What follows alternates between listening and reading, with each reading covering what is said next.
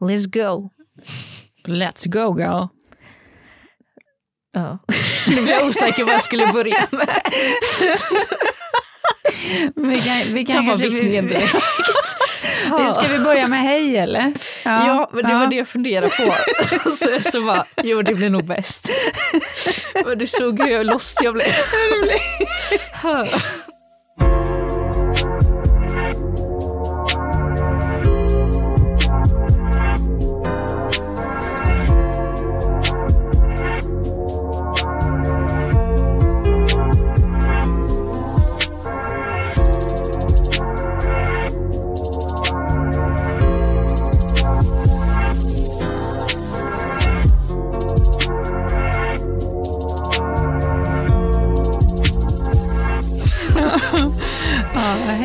kul att ha dig här. Hej. Men det brukar ju alltid vara så att vi sitter och småsnackar innan så nu kändes det så fel att bara hoppa rakt på det. Ja, Men hej, hej, hur är läget? det är bra Mm, med mig. det är bra, Det är mycket intryck, men Ja. det är bra. härligt. Mm. Mm. Och själv då? Det var Eh. liksom ingen jättepigg blick jag fick när jag kom idag. Eh, Nej, den är inte eh, jättepigg. Det har varit ehm, rätt mycket. Eh, jag säger en vecka, men egentligen ska jag nog säga två veckor. Eh, Mm. Jag vet inte om jag sa det i något av de tidigare, men mina absolut, om man tittar bolagsmässigt, eh, så har jag ju eh, min peak, alltså i september, oktober. Eh, Då har jag oftast eh, ganska mycket att göra, mycket leveranser. Vilket är jättekul eh, och normalt inga konstigheter.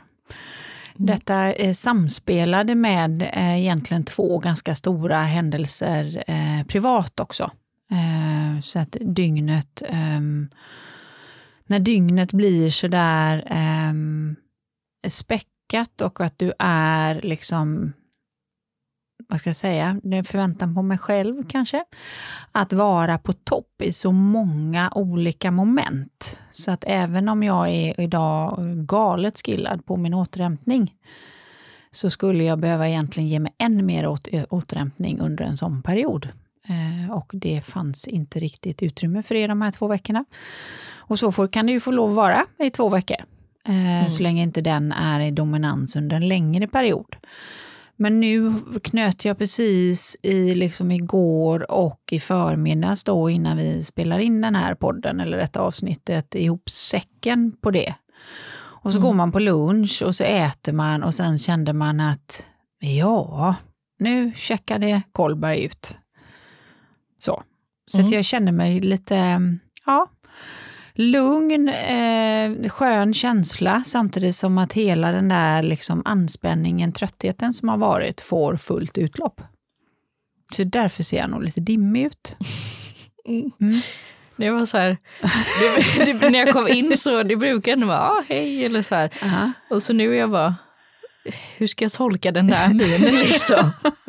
Det var någon blandning mellan trötthet och skepsism kände Ja. jag. Så jag bara, vilken av dem är det? är det Vilken är riktat det? mot mig eller vad? Kan vi bara reda ut det fort? Och så roligt också att du just lägger in då i den bucketen att åh, är det riktat mot mig? Det Ja. skulle man ju kunna göra till ett eh, poddavsnitt av, tänker jag. Mm. För hur vi gör där, hur vi tolkar in andras känslor i, i någon form av eh, bucket. Handlar det här om mig? Ja men du så här, gav mig bara en blick men så sa jag direkt, jag bara Jaha, varför ser du så skeptisk ut? och sen fick jag ju höra då, jag Ja. bara okej. Ja. Och den är ju klok tycker jag, att man med en gång är så, nej men jag uppfattade det, så, du ser lite skeptisk ut, varför gör du det? Det var en oklar blick jag Ja, fick. och skeptisk var nog det sista jag var. Ja. Jag var bara utzonad och eh, laid back i en fåtölj. Mm. Med en eh, fantastiskt god eh, kopp kaffe. Yep. Så Vilket så. Tänker, eller jag tänker på ett ytterligare ett ämne till det. Ja. För att det är ofta så här, jag kommer att tänka på nu bara snabbt, men som sagt vi kan ta ett annat avsnitt i detta. Ja. jag tänker bara nämna. Det är också ganska vanligt att, eh, generellt i alla fall, att kvinnor tar lite ansvar för stämningen i ett rum. ja, Eller är det bara jag som har den uppfattningen? Det tror jag inte. Nej, jag, jag skulle vilja säga så här. Så nu vi- blev det liksom också en chock tror jag i det. Att så här, för du är ju väldigt mycket så också, tycker Ja. jag. Att du så här, ser till att det är väldigt bra energi runt och så. Ja, Eh, vad kul. Tack. ja, det- Ja, det var- det är en tog jag som en komplimang. Absolut. Ja, tack. Ja.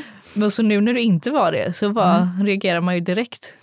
Ja, för det var ju Anna. Ja, Jag fattar. vad händer nu? Ja, ja.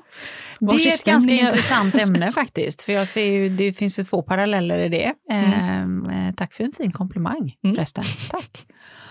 Ehm, vis av vad forskning säger och utifrån det jag jobbar med, vad det där kan handla om. Ehm, Mm. När man går in och tar ansvar i ett rum. Ehm, vad är det som driver varje individ till att göra det eller till att kanske inte alls ha det intresset? Mm. Det handlar om inre motivation. Ja. Eh, Ett otroligt intressant ämne. Så, Så det kan vi på prata om. två Ja. nya poddämnen innan att, vi ens har eh, börjat. Nej, precis. För, för, för er lyssnare nu så vet ni nu lite då vad, vad, vad kanske händer i framtiden. Och så förutsägande brukar inte vi vara, utan våra avsnitt brukar ju komma utifrån det som just nu känns aktuellt i våra liv. Och så tänker vi ju alltid att då är vi ju inte ensamma om det. Det är ju fler som har det i sina liv. Fick ni också en försmak på hur vi kommer på ämnen? Ja, Det var en händelse som utgör två olika ämnen. precis. Så välkommen in i våran bubbla säger vi till Ja. lyssnarna då. Och eh, nu kanske det blir lite förvirrande, men det är inte det vi ska prata om i alla fall. Det är något helt annat som vi idag ska prata om. Det är ju din idé. Mm, du blev Mm. ju såld, då blir man ju lite stolt. Ja, jag blev lite såld på det ämnet för jag tycker att det är intressant. Så att jag tänker berätta, vad var det du tänkte och vad är det för ämne vi pratar om? Det jag skrev till dig var väl eh, att dölja sig själv för sig själv. Mm. Eh, I mitt huvud från början när jag formulerade det här så blev det med att gömma sig själv i en skokartong på vinden. Mm. Men jag tänkte det är inte säkert att du snappar den direkt. så jag behöver nog omformulera det lite. Det skulle blivit en annan tolkning av den från min sida Du än vad det då blev bara- på den här. Ja. Så vad tänker du där? Jo men det som jag sa då till dig innan vi satte igång inspelning här. Alltså för jag har alltid varit ganska filosofisk av mig, Mm. skulle jag vilja påstå. Eh, Vad menar du när du tänker filosofisk? Men alltså jag tänker väldigt mycket på saker och hur, varför är det så? Är det verkligen så? Hur skulle det kunna vara istället? Jorden rund eller platt liksom? Det är fenomenet. Är det, det är där vi Men pratar? alltså kring allt egentligen. Ja. Och nu har det blivit väldigt mycket, alltså när jag läste till socionom till exempel, Mm. så varit så här, politik, hur är det uppbyggt, hur skulle det göra om man ändrar lagarna, hur skulle det bli då, vad är anledningen till att det är så här och ja, hur mycket som helst. Liksom. Mm. Jag känner mycket. Ja, jag tänker väldigt mycket. Ja. Från att någon kommer in och säger att de har en diagnos så kan jag hamna borta vid hur vi ska ändra lagstiftningen. Liksom. Du spinner iväg på saker som kan... eh, Extremt långt. Ja, och kan ta egentligen eh, alltså, synergier fast det tar dig ifrån kärnan och frågan eller situationen. Mm. Fast för dig är den sammankopplad. Exakt. Mm. Och sen då kan det bli väldigt förvirrande man börjar säga ja men vad tänker ni om den här lagstiftningen? Bla bla bla. bla. Och folk bara Hä? Hur hamnar vi där? hamnade vad hände innan det? liksom? Hur gick vägen dit? För de är kvar i den första frågeställningen liksom. ja. och du har spunnit till lagstiftningen. Nej, i alla fall. Men jag kan ge ett exempel som man kanske för det vet jag inte, det tror jag till och med ganska många ändå har hört. Det finns ju en sån här, till exempel, nu har vi ett svart bord framför oss, fast det var ett dåligt exempel. Vi säger att bordet är grönt Mm. och så är det så här, men ser båda vi då samma gröna färg? Eller har vi bara kommit överens om att det här är grön? Mm. Det är en ganska klassisk här, filosofisk grej. Mm. Och den då frågan ställde jag ettan på gymnasiet, typ så här första veckan. När vi började skolan och man skulle lära känna klassen. Mm. Det, det vart ju inte sådär jättepopulärt. Det var inte så många som hängde med på den. Liksom. Nej, det var inte den bästa lära känna varandra-frågan. Och jag tycker den är lite rolig för att nu använder du grönt bord och jag brukar ju använda exemplet eh, en grön fåtölj. Mm. Att vi, vi leker med att det står en grön fåtölj här i rummet och så tittar vi alla på den en stund. Summerar vad ni tänker och vad ni känner. Och sen vill jag att vi alla här i gruppen delar vad vi kände och tänkte om en grön fåtölj. Och då handlar det ju inte om grön färg i sig och olika uppfattningar om det och varför vi kommer fram till det, utan men det kommer också den att hur olika vi ser och appellerar till samma sak, oaktat om det är färgen, att vi har bestämt att det är en grön färg och hur vi kom fram till det. Men också att någon kopplar eh, grön fåtölj till, ja men mormor satt alltid där när hon läste sagor för mig när jag var liten. Ja, Mm. trygg, skön känsla leker jag med då. Medan någon annan tänker att ja, men det var där eh, farfar satt och farfar var ju alltid så arg och var alltid så arg på mig och, och liksom kanske klankade på mig. Då får jag ju en annan känsla för den där gröna fåtöljen. Men fortfarande är det samma gröna fåtölj vi tittar på. Mm. Lite tänker jag samma sak. Mm. För så funkar ju min hjärna också. Mm. Jag kan ju ofta tänka sådär att ja, nu upplever jag den här känslan när jag tittar på det. Undrar hur de andra upplever det. Hur Japp. olika vi kan uppfatta samma sak. Mm. Mm. Så i alla fall, det var inte bästa så här, första frågorna att ställa till helt nya klasskamrater som inte känner en. Men vilket också ledde till att min filosofiska hjärna började fundera kring varför man egentligen inte vill ha den frågan. Alltså, många tycker så här, hur fan kan hon ställa en sån fråga som inledande grej? Men jag, jag, alltså, det var inte så att jag bara, det här kommer nog landa perfekt. Utan det var ju lite så här, som ett experiment för att jag ville se. Låter- jag inser att det här låter konstigt. Nej, jag tycker det låter... Alltså, nej, varför, varför det? Ja, men jag tänker mer så här att det är mycket roligare att se hur en person reagerar på en sån ganska otippad fråga än om den bara Ja, fint väder idag, kul, blablabla", Mm, som vi brukar prata om. mm. Det är inte så spännande tycker inte jag. Det är mycket mer intressant att se hur folk reagerar på en ganska, vad säger man, oförutsägbar fråga. Ja, men som eh, kanske har lite mer djup och kommer ganska, ganska snabbt blir eh, mer personlig, vilket då också kan vara den eh, som ligger i folks reaktioner. Reaktionen Mm. kan ju vara jag förstår inte, eller reaktionen kan ju vara att man tänker "Mm, men vilken konstig fråga. Men den kan också vara den där att man skyddar sin integritet Mm. Med ett reaktionsmönster för att den får ju plötsligt en personlig koppling eller ett djupare perspektiv som man kanske värjer sig från också, vilket gör att man lättare går in i väder och vind. Mm. För det är ju mer neutralt. Mm. Så det finns ju massa olika intressanta infallsvinklar på den som jag skulle kunna nörda vidare i. Ja. Ja, så det var ju lite mer av ett socialt experiment då på mina kära gymnasieklasskompisar ja. som de ofrivilligt fick ställa upp på. Vad var syftet med ditt sociala experiment, Milla? Att se deras reaktioner, För att vad skulle du göra med dem? men se hur... eh, Då tänker jag, det säger ju lite om min personlighet och hur jag är och hur de kommer ta resten av mig. För det här Ja. var en ganska ofarlig fråga, tyckte Ja. jag. Det säger inte så mycket om mig. Eh, Så då gjorde att jag är du lite det- smått galen kanske. Nej, jag ska... Och omedvetet utifrån hur, vilka i den här gruppen samspelar med mig, vilka är aktuella för mig att hänga med. Precis. Var det så egentligen du Ja. tänkte? Ja. Mm. Olyckligtvis ingen av dem. Nej, nej, men så kan det ju vara. Vi- kan inte älska alla och älskar, alla älskar inte mig. Så enkelt Nej. är det. Någon sprang iväg eh, och bara, uff, en sån fråga. Eh, vad jobbigt, en sån där vill jag inte tänka på. Så fick de panik. Och de andra stod med som frågetecken.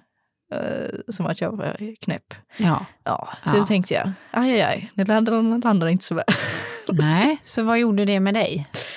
Då tänkte jag, ja de här kommer nog inte tåla resten av min personlighet. Okej. Mm. Då vet jag det, då Ja. går vi vidare. Ja. Men också det som jag pratade om förut då. att nej men det var ju lite så att då ville jag inte testa det experimentet igen då på andra klasskamrater. Nej. Utan då försökte man ju vara lite mer väder och vind. Typiskt svensk. Ja. Mm. Och sen så fastnade man ju lite i det. Mm. För att jag insåg att ja, men det här funkade ju. Mm. Oj så bra det blev. Mm. Nu vill ju folk prata med en. Mm. Det där mer djupa är lite obehagligt för Mm. folk. Mm. Så då blev det att man bara, nej men det där ska inte jag ha. Det gynnar ju inte mig med min filosofiska sida som jag har. Vi tar bort den helt. Mm. Dels för de här sociala sammanhangen men också att det kan leda till ganska mycket ångest om vi ska vara helt ärliga. För dig? Ja, Mm. eh, för som jag sa, jag spinner iväg ganska mycket. Mm. Och sen helt plötsligt så ska jag ändra hela samhället själv. Mm. Du bär mycket på dina axlar helt plötsligt, tänker jag då. Ja. Mm. Och det kan ju bli lite jobbigt. Mm. Och det blev det också i gymnasiet. Så tänkte jag, nej, vi stänger igen den burken. Tjoff, Mhm. hej då. Mm. Men... Eh, Och det var sen- den som blev skokartongen på vinden nu då, så Exakt. nu ligger den där uppe. Ja. Mm. Mm. Nej, men och sen så liksom lyckades jag ju väldigt bra med detta. Så jag har egentligen stängt det väldigt bra under i princip hela gymnasietiden då och sen vidare. Eh, och sen typ nu ganska nyligen eller så här under sommaren så har det liksom börjat, eller det har väl börjat kanske under min utbildning som socionom nu, Mm. att smyga tillbaks lite för att helt plötsligt har jag nytta av den här filosofiska analyserande förmågan. Och har fått eh, bra betyg och klarat mig genom utbildningen tack vare det. liksom. Mm. Så jag var, nej kanske ska jag... Eller då har man väl känt att det är mer accepterat. Det är inget att jag har tänkt på det. Mm. Utan det har bara så här luckrats fram, krypit ur den lilla skokartongen. Ja, men det är ju någonting som sker högst omedvetet egentligen. Ja, Ja. nej men lite så. Och sen så inser jag nu att just det, ja. Vad fasen, jag är ganska filosofisk och analytisk av mig. Mm. Eh, och det kan jag väl få vara Mm. på mitt sätt, så som jag vill. Så att det här kan jag ju ha för mig själv eller eh, liksom i mina uppgifter i skolan då uppenbarligen och så vidare. Mm. Använda det på mitt sätt. Så blir jag så här, fasen vad sjukt att jag typ har dullt den här sidan för mig själv så länge. Mm. Och åter till det här då att dölja sig själv för sig själv. Mm. För alltså jag har verkligen stängt av det här totalt. Och egentligen som en ganska omedveten process, tänker jag. Mm. Det är ju det jag hör att du säger. att eh, För mig eh, handlar det här om den här med eh, roller och flockinstinkt. Mm. Vi vill ju så gärna bli accepterade av flocken. Ehm, och ehm, har ju en olikhet mot flocken, där vi har en hjärna som gärna vill spegla sig i andra. För att känna den där tryggheten, alltså att vi tillhör. Så kan den ju skapa då, medvetet eller omedvetet, då, en, en oro och en rädsla för att bli utesluten ur flocken.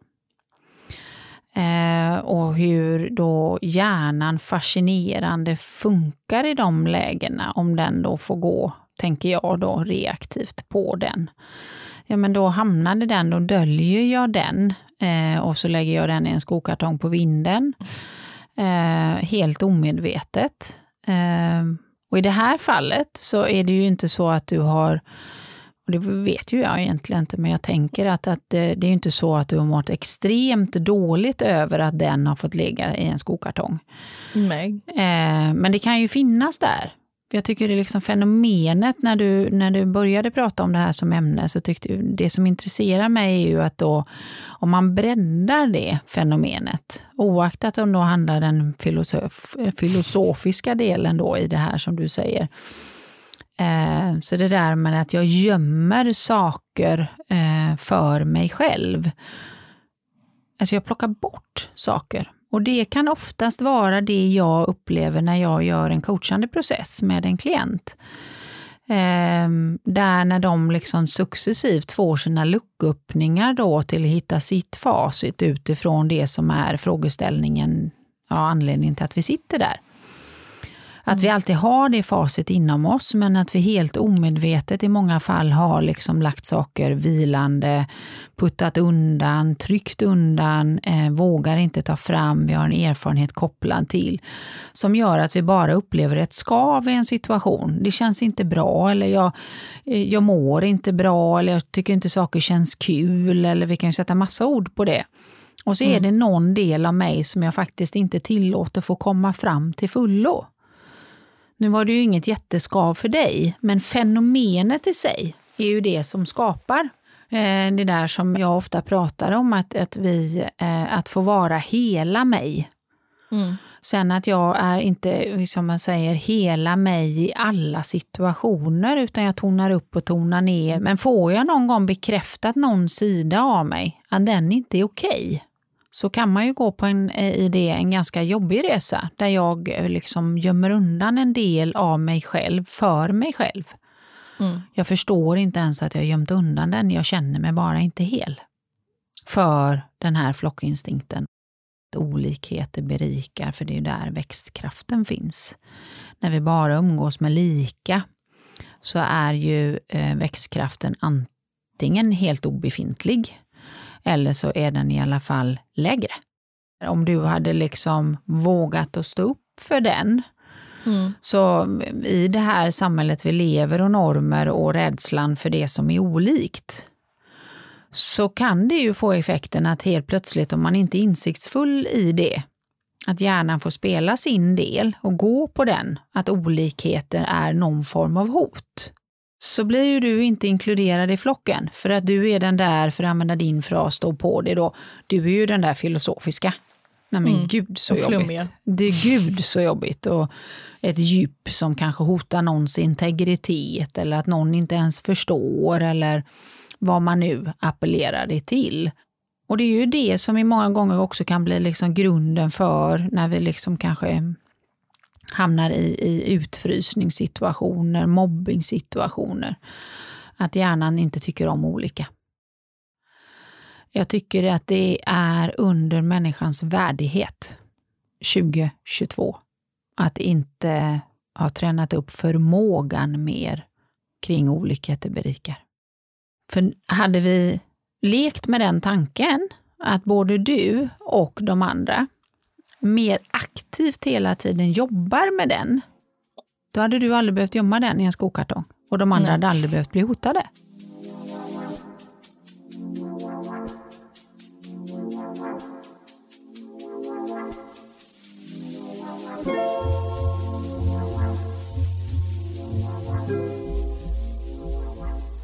Men jag tycker fenomenet är så intressant. Mm. För sen så kan man ju också då välja att eh, under olika perioder i ens liv, tänker jag, om man ser alla de här grejerna som egenskaper hos mig. Så eh, de stora flertalet egenskaper finns ju i oss alla, fast vi har valt att träna på olika, beroende på vad vi har för erfarenhet och bakgrund. Och vi har valt att träna mindre på andra. Och då tänker jag ju att, jag menar, jag, du har ju tränat ganska mycket på det filosofiska. Och just nu behövde du inte det och sen så kom den tillbaka fast du ändå inser att ja, du kanske inte har haft med den så mycket interaktioner med andra på samma sätt, men du har använt dig av samma egenskap i ett annat syfte. Mm. Så egentligen så har den ju inte varit eh, gömd. Den har bara Nej. hittat ett annat uttryck. Men, är du med hur jag tänker? Ja, men Tänker det jag tokigt? det, nej. men det var mer nu att jag så här landade i att eh, men jag fortfarande är sån och att jag mer accepterar det. Mm. För att innan har det varit nästan som att man bara har börjat få, alltså det här med att jag spårar ur lite. men går väldigt långt i många steg. Det börjar vid, eh, ja men typ som nu då har det väl varit mer att ah, någon får inte sjukpenning på grund av det här, eh, det här och det här. Och så blir jag så här, okej hur kan det vara så? Och sen börjar jag, liksom tre sekunder senare är jag vid hur man ska ändra lagstiftningen för att det ska bli möjliggjort för Mm. en speciell situation typ och Mm. så vidare. Mm. det, är liksom, det går väldigt fort där. Mm. Och innan när det har blivit så här att jag börjar liksom gå de tankarna eller att det går så, så många steg på väldigt kort tid. Så jag varit så här, nej men nej, nej, nej, nej sluta, och det här blir bara jobbigt för dig och Mm. så. Alltså jag försöker bromsa mig själv typ. Mm. Och sen nu så har det varit så här som att typ andas ut och bara, jo, jag får visst göra så. Mm. Och sen precis som du det exemplet du tar där också, det, det kan man ju också lägga i en annan skål tänker jag. Eh, att ja, men där fanns ju en problemformulering. Mm. Alltså det är någon som inte får sjukpenning. Och du börjar tänka med en gång, mm, kanske en värderingsgrund, tänker jag. Mm. Det där känns inte rättvist. Mm. Hur kan vi lösa det? Och det Mm. tar dig, alltså ditt lösningsfokus tar dig hela vägen till lagstiftsändringen. Japp. För det man inser att ja, men det är där vi måste börja. Mm. Jo, så är det ju ofta. Ja. Så nu har det ju mer fått ett syfte, eller vad man ska säga, Mm. eh, än innan. Eh, så nu har jag ju kanske mer användning av det Mm. på det sättet. Mm. Men att här, det kan också vara som en hobby kring Mm. helt oviktiga saker. Ja, min hjärna blir Det det. behöver inte alltid ha ett syfte liksom. Nej, och där är vi olika. Eh, eh, hur vi, vad vi drivs av. Och, alltså, våra inre motivatorer kommer jag tillbaka till här igen. Att för, för vissa människor är det galet viktigt att varje sak har ett syfte. Och för andra Mm. är det inte alls viktigt. Nej, och det var väl det som jag hamnade i. Bara, ja, men det är oviktigt. Det måste ha ett syfte, annars är det onödiga tankar. Typ. Mm.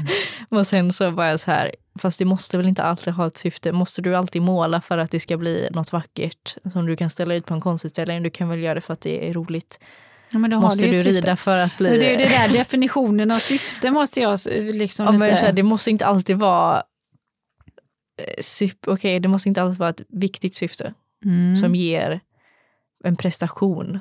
mm. Egentligen handlar det väl om. Alltså så här, måste jag rida för att bli elitryttare eller kan jag rida för att det är kul? Mm. Eh, spelar jag tennis för att bli proffs eller kan jag bara spela tennis för att jag tycker det är roligt? Typ. Mm. Vad det än handlar om. Ja, och båda är lika okej. Det viktiga är att jag bestämmer mig för hur jag vill göra det. Mm. Mm, mitt syfte. Så att det, då tänker jag ju att ditt syfte med att, eh, alltså återigen det gröna bordet då. Jag menar ditt syfte är ju att leka med perspektiv där och vara lite, ditt syfte är att det finns en nyfikenhet. Mm. Hur många olika sätt finns det att se det här på liksom? Eller vad, handlar det här om? Det så, jag kan ju appellera den till eh, mitt nörderi i personlig utveckling eh, som jag har hållit på med nu eh, sedan 20 år tillbaka. Att jag älskar att nörda i beteenden. Jag älskar den här nyfikenheten hos mig själv. Att jag undrar, jaha, hon reagerar så. Undrar vad det handlar om. Mm. Medan andra individer kan säga, men herregud, hur orkar du ens hålla på? Jobbar du jämt? Exakt. Eh, men det är inte det för mig.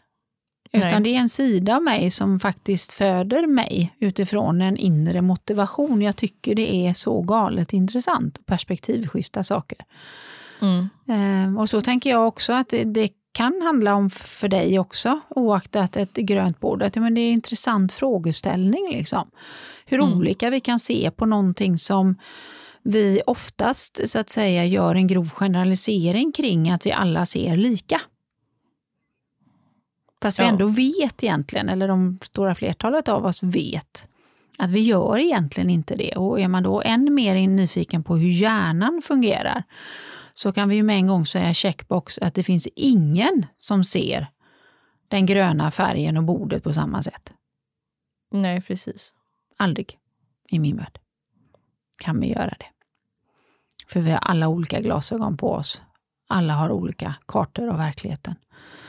Och att hjärnan, för att den ska skapa kontroll och för att den ska liksom känna att den förstår.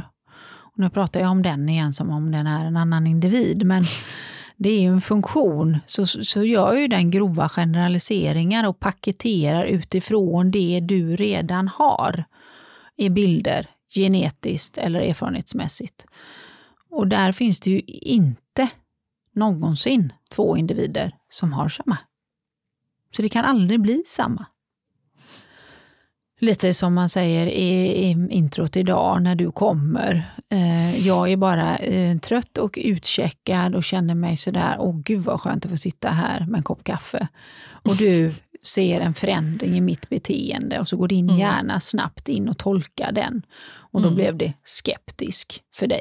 Medan det för någon annan skulle kunna vara, fan vad loj hon ser ut. Eller alltså, vad har hon sovit? Eller, eller, alltså, eh, eller vilken tråkig attityd hon har som inte kommer och möter upp med ett leende. Eller, det finns ju en miljard tolkningar av det utifrån vilken bild i hjärnan du har. Mm. Och beroende på hur viktigt det är då att bli bekräftad där. Nu kan du ju ställa frågan till mig, men alltså, varför har du en sån skeptisk blick? Därför, det hade jag ju inte. Jag såg tendenser till ögonbrynet. Precis. Ja. Och, och den ligger ju också där när jag är trött. Mm. Så att då, då kan man ju liksom... Så det snurrade i skallen på mig. Hmm, trött, ögonbryn, skeptisk blick. Ja, exakt så där. Det var så du gjorde. dunk, dunk. Antingen så här ska hon vara lite klurig, skoja till det, eller så är hon skeptisk, eller så är det någonting nu som jag inte är med på. så tänkte jag, vi, vi slänger ut Har något. jag missat någonting här? jag bara, "Nej, jag slänger ut det första som kommer upp i skallen så får vi se vad det handlar om. Ja. Och den, För och du den brukar inte jag, vara så svår. Nej. Och det är ju precis det egentligen som jag säger, som jag förespråkar så.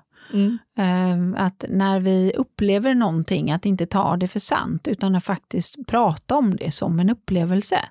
Och det var ju egentligen det du gjorde. Du kommer Mm. in och så upplever du mig skeptisk och så frågar du mig, varför är du så skeptisk?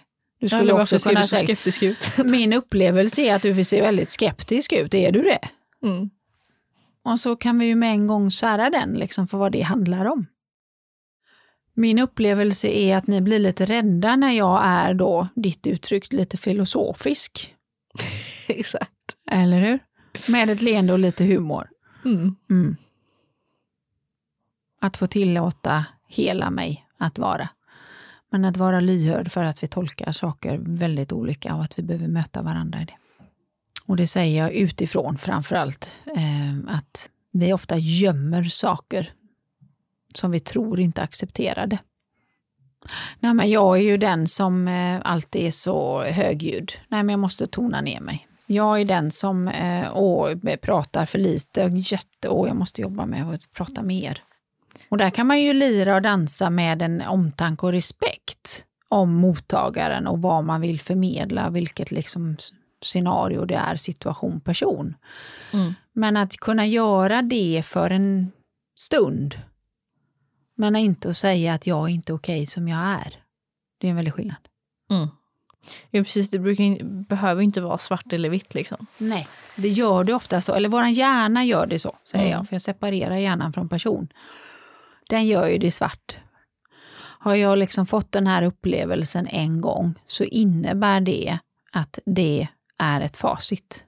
Mm. Framför allt om jag kände mig hotad. Mm. Och det var ju egentligen det som, som var här Mm. i din situation. Det fanns ju ett hot där om att jag, om jag spelar på denna fullt ut här så kommer jag nog inte få hänga med flocken här. Mm. För de kommer tycka att jag är för annorlunda för att få lov att vara med. Och sen blev det ju egentligen i andra sammanhang också. Alltså som jag sa, jag kunde ju bara, ja men okej, vi stänger av det i skolan säger vi. Men att Mm. jag kunde göra det, filosofera, eller vad man ska säga, för mig själv. Eh, men att den också stängdes av till viss del för att när jag så här, pratar om grejer eller så, bara, men varför tänker du så? Det här verkar jobbigt och så. Som att, aha, men det är inte heller gynnsamt att jag använder det ens i privat bruk, skulle jag på säga. Men alltså, Mm. förstår. Ja, men jag fattar, för där, är, och där blir jag ju helt plötsligt hjärnan i svartvitt igen. Mm, precis. För att eh, å ena sidan så den där liksom analyserande, alltså momentumet, eh, alltså spiralen som går iväg där, den kan ju vara utforskande och komma fram till att man får nya perspektiv, nya lösningar. Men den kan ju också användas i de där perspektiven när den egentligen startar med en oro Mm. en rädsla för någonting och så går den iväg och analyserar den, ja men då får ju spiralen en helt annan effekt.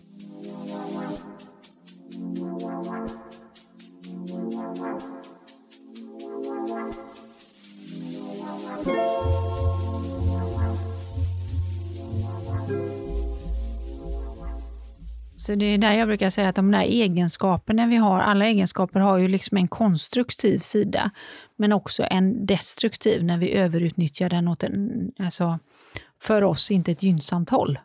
Mm. Så den där liksom filosoferande analytiska, den har du ju också i orosspiralen. Japp. Ja. Och där, tänker jag, kan man ju börja träna på den och säga den där frasen. Fast nej, jag behöver inte gå vidare i den här och analysera det här mer. För det här kommer inte leda till någonting som gynnar mig. Och den leder heller inte till någonting som gör, bringar mig mer klarhet, för jag håller på bara och bygger fantasier och scenarier. Mm. Då kan jag ju ta tillbaka den. Medan när jag sitter med liksom någon komplex upp, uppgift eller skolarbete eller i jobbrelaterat där vi behöver ha mer infallsvinklar perspektiv för ett kvalitativt resultat. Där kan jag ju låta den spinna igång och vara hela sin fulla potential. Japp. Undrar vad de som har jobbat med i grupp tycker om det. Ja. Har de uttryckt det eller? Uh, ja, man har ju sett lite kroppsspråk alltså. Mm. Nej, men jag tror vissa tycker väl det är kul. Vissa blir förvirrade, men jag har också blivit bättre på det här att inte säga det som är i slutet av den här spiralen utan förklara det som pågår på vägen dit. Så du Annars... inte hoppar över alltihopa och kommer direkt till lagstiftningen menar du? Ja exakt, men ibland börjar jag bara, ja men lagstiftning. Och folk bara, Hä? Och sen bara, ja men lagstiftning. Hon bara, aha. Ja, nu är vi med på båten. Jag bara, aha, du tänkte så. Ja.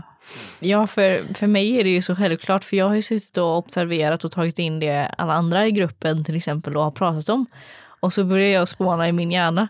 Och så dels har jag märkt, om jag bara sitter tyst och observerar allt det här, då tänker jag, ja men hallå, du får också komma med ett förslag, eller du gör ingenting. Eller så här. Mm. För jag säger det tyst i mitt huvud, medan andra är sådana att de säger precis allt de tänker. Mm. Eh, vilket kan vara både bra och negativt. För jag resonerar ju så här innan då att bara, ja men det som pågår i mitt huvud behöver ju inte alla höra hela tiden kanske. Så då tänker jag sen, då här när vi har den färdiga produkten, liksom, den kan jag leverera till gruppen. Mm.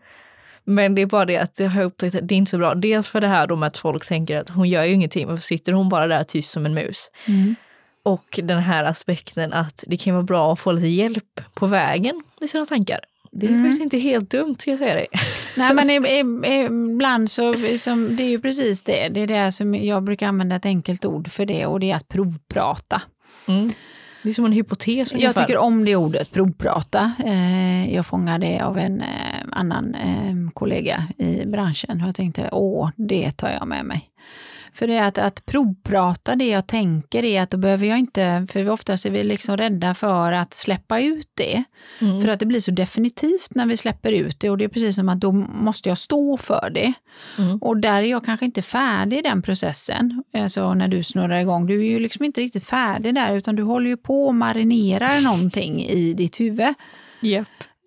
Um, men om man då säger att det är okej att provprata någonting så innebär det ju inte att jag där behöver ha kravställningen att jag måste vara klipsk, smart, eh, komma med bra grejer, utan jag bara provpratar någonting som dyker upp i huvudet. Mm. Och precis som du landar av med där, fördelen med det om man då öppnar upp det i ett sammanhang. Om alla känner sig, alltså den här tilliten i gruppen, att kunna få provprata det som poppar i huvudet, som kan vara någonting i den kreativa processen. Mm. Så får vi ju fler infallsvinklar. Så att det du börjar provprata, som kanske annars hade lett utifrån dina erfarenheter, din hjärnas sätt att fungera och bilder åt ett helt, annat håll än om du får provprata det tillsammans med någon. Så får du en infallsvinkel som gör att åh, tillsammans behöver vi gå åt det hållet. Mm. Så att återigen tillbaka till den där hur olikheterna berikar, för det är först då, eh, anser jag, vi kan få de absolut mest kvalitativa resultaten. Mm. Med fler än en infallsvinkel. Det är det som är fördelen med att gå socionom då. Mm. För att då är det så här, återigen, kanske i och för sig jag gjorde ett socialt experiment. jag gillar det. Nej, men i alla fall, när jag liksom så här började, vi har ju haft mycket grupparbeten. Mm. Eh, och så var det lite så här, alltså i början var, ville jag ju inte säga vad jag tänkte, men sen bara, men jag kanske ska testa ändå liksom. Och sen bara, nej men fasen det landar ganska bra. Sen bara, just ja, jag är ju som med socionomer de måste ju situationstecken klara av lite vad som helst. Mm. Nej, men de, de inte ens klarar av att jag eh, slänger ur mig en teori om någonting som då vet jag inte riktigt. Nej, men då, då brukar jag enkelt säga med ödmjukhet att då är det ju bra kanske att gå socionomprogrammet för det där kommer de verkligen få träna på. Att, Så jag har berikat min klass. Så kan man summera det hela. Hybrisen. Ja, Istället för att gömma en egenskap i en skokartong. Precis. Ja. Jag har utmanat dem så de kommer mm. vara bättre rustade än andra socionomklasser. Mm. För de hade ju nöjet att få mig. Milla i klassen. Precis. Så tesen att, att gömma för mig själv, eh, oavsett skokartong på vinden, eh, är nog ett fenomen som vi alla håller på med. Men gör man det, om man tänker på våra lyssnare igen, så tänker jag så här att upplever du att du inte får vara ditt fulla jag, att du behöver gömma delar, egenskaper av dig själv, så att ställa sig frågan hur mår jag av att göra det? Vilka möjligheter har jag att faktiskt prova att släppa fram den? Eh, vilka möjligheter har jag kanske att eh, byta kontext om det inte alls finns en acceptans? Eh, eller kan jag faktiskt med mitt perspektiv, mitt sätt att vara, vara en tillgång, att inspirera till fler perspektiv? Och lite stå upp för den jag är. Jag vill bara tillägga, alltså för det är en sak, alltså jag har inte ens tänkt att jag har dullt det här för mig själv, utan jag har varit helt omedveten om det. Så mm. Eh, mitt tips är väl också då kanske att gå tillbaka ibland och reflektera över hur man har varit som person tidigare och varför? För att kanske inse då som jag att men fasen, jag har ju dullt det här och jag är ju faktiskt fortfarande sån. Mm. Vissa saker kanske man inser att nej, jag är inte sån här längre för jag har förändrats, utvecklats, whatever. Men vissa saker kanske man landar att men jag är ju så här. Mm.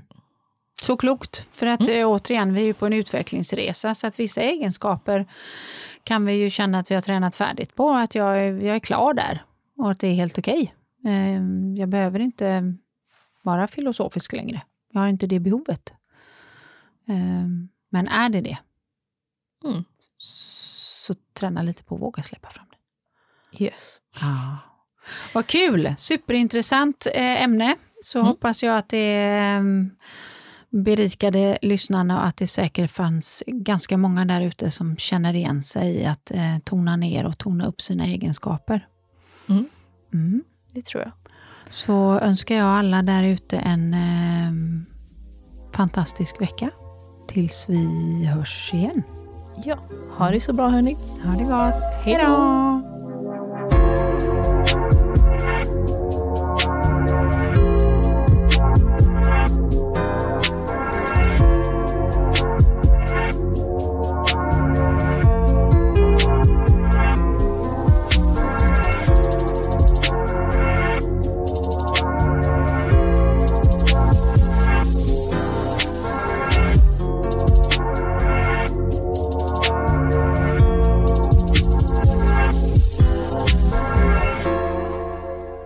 En poddproduktion av Fredag.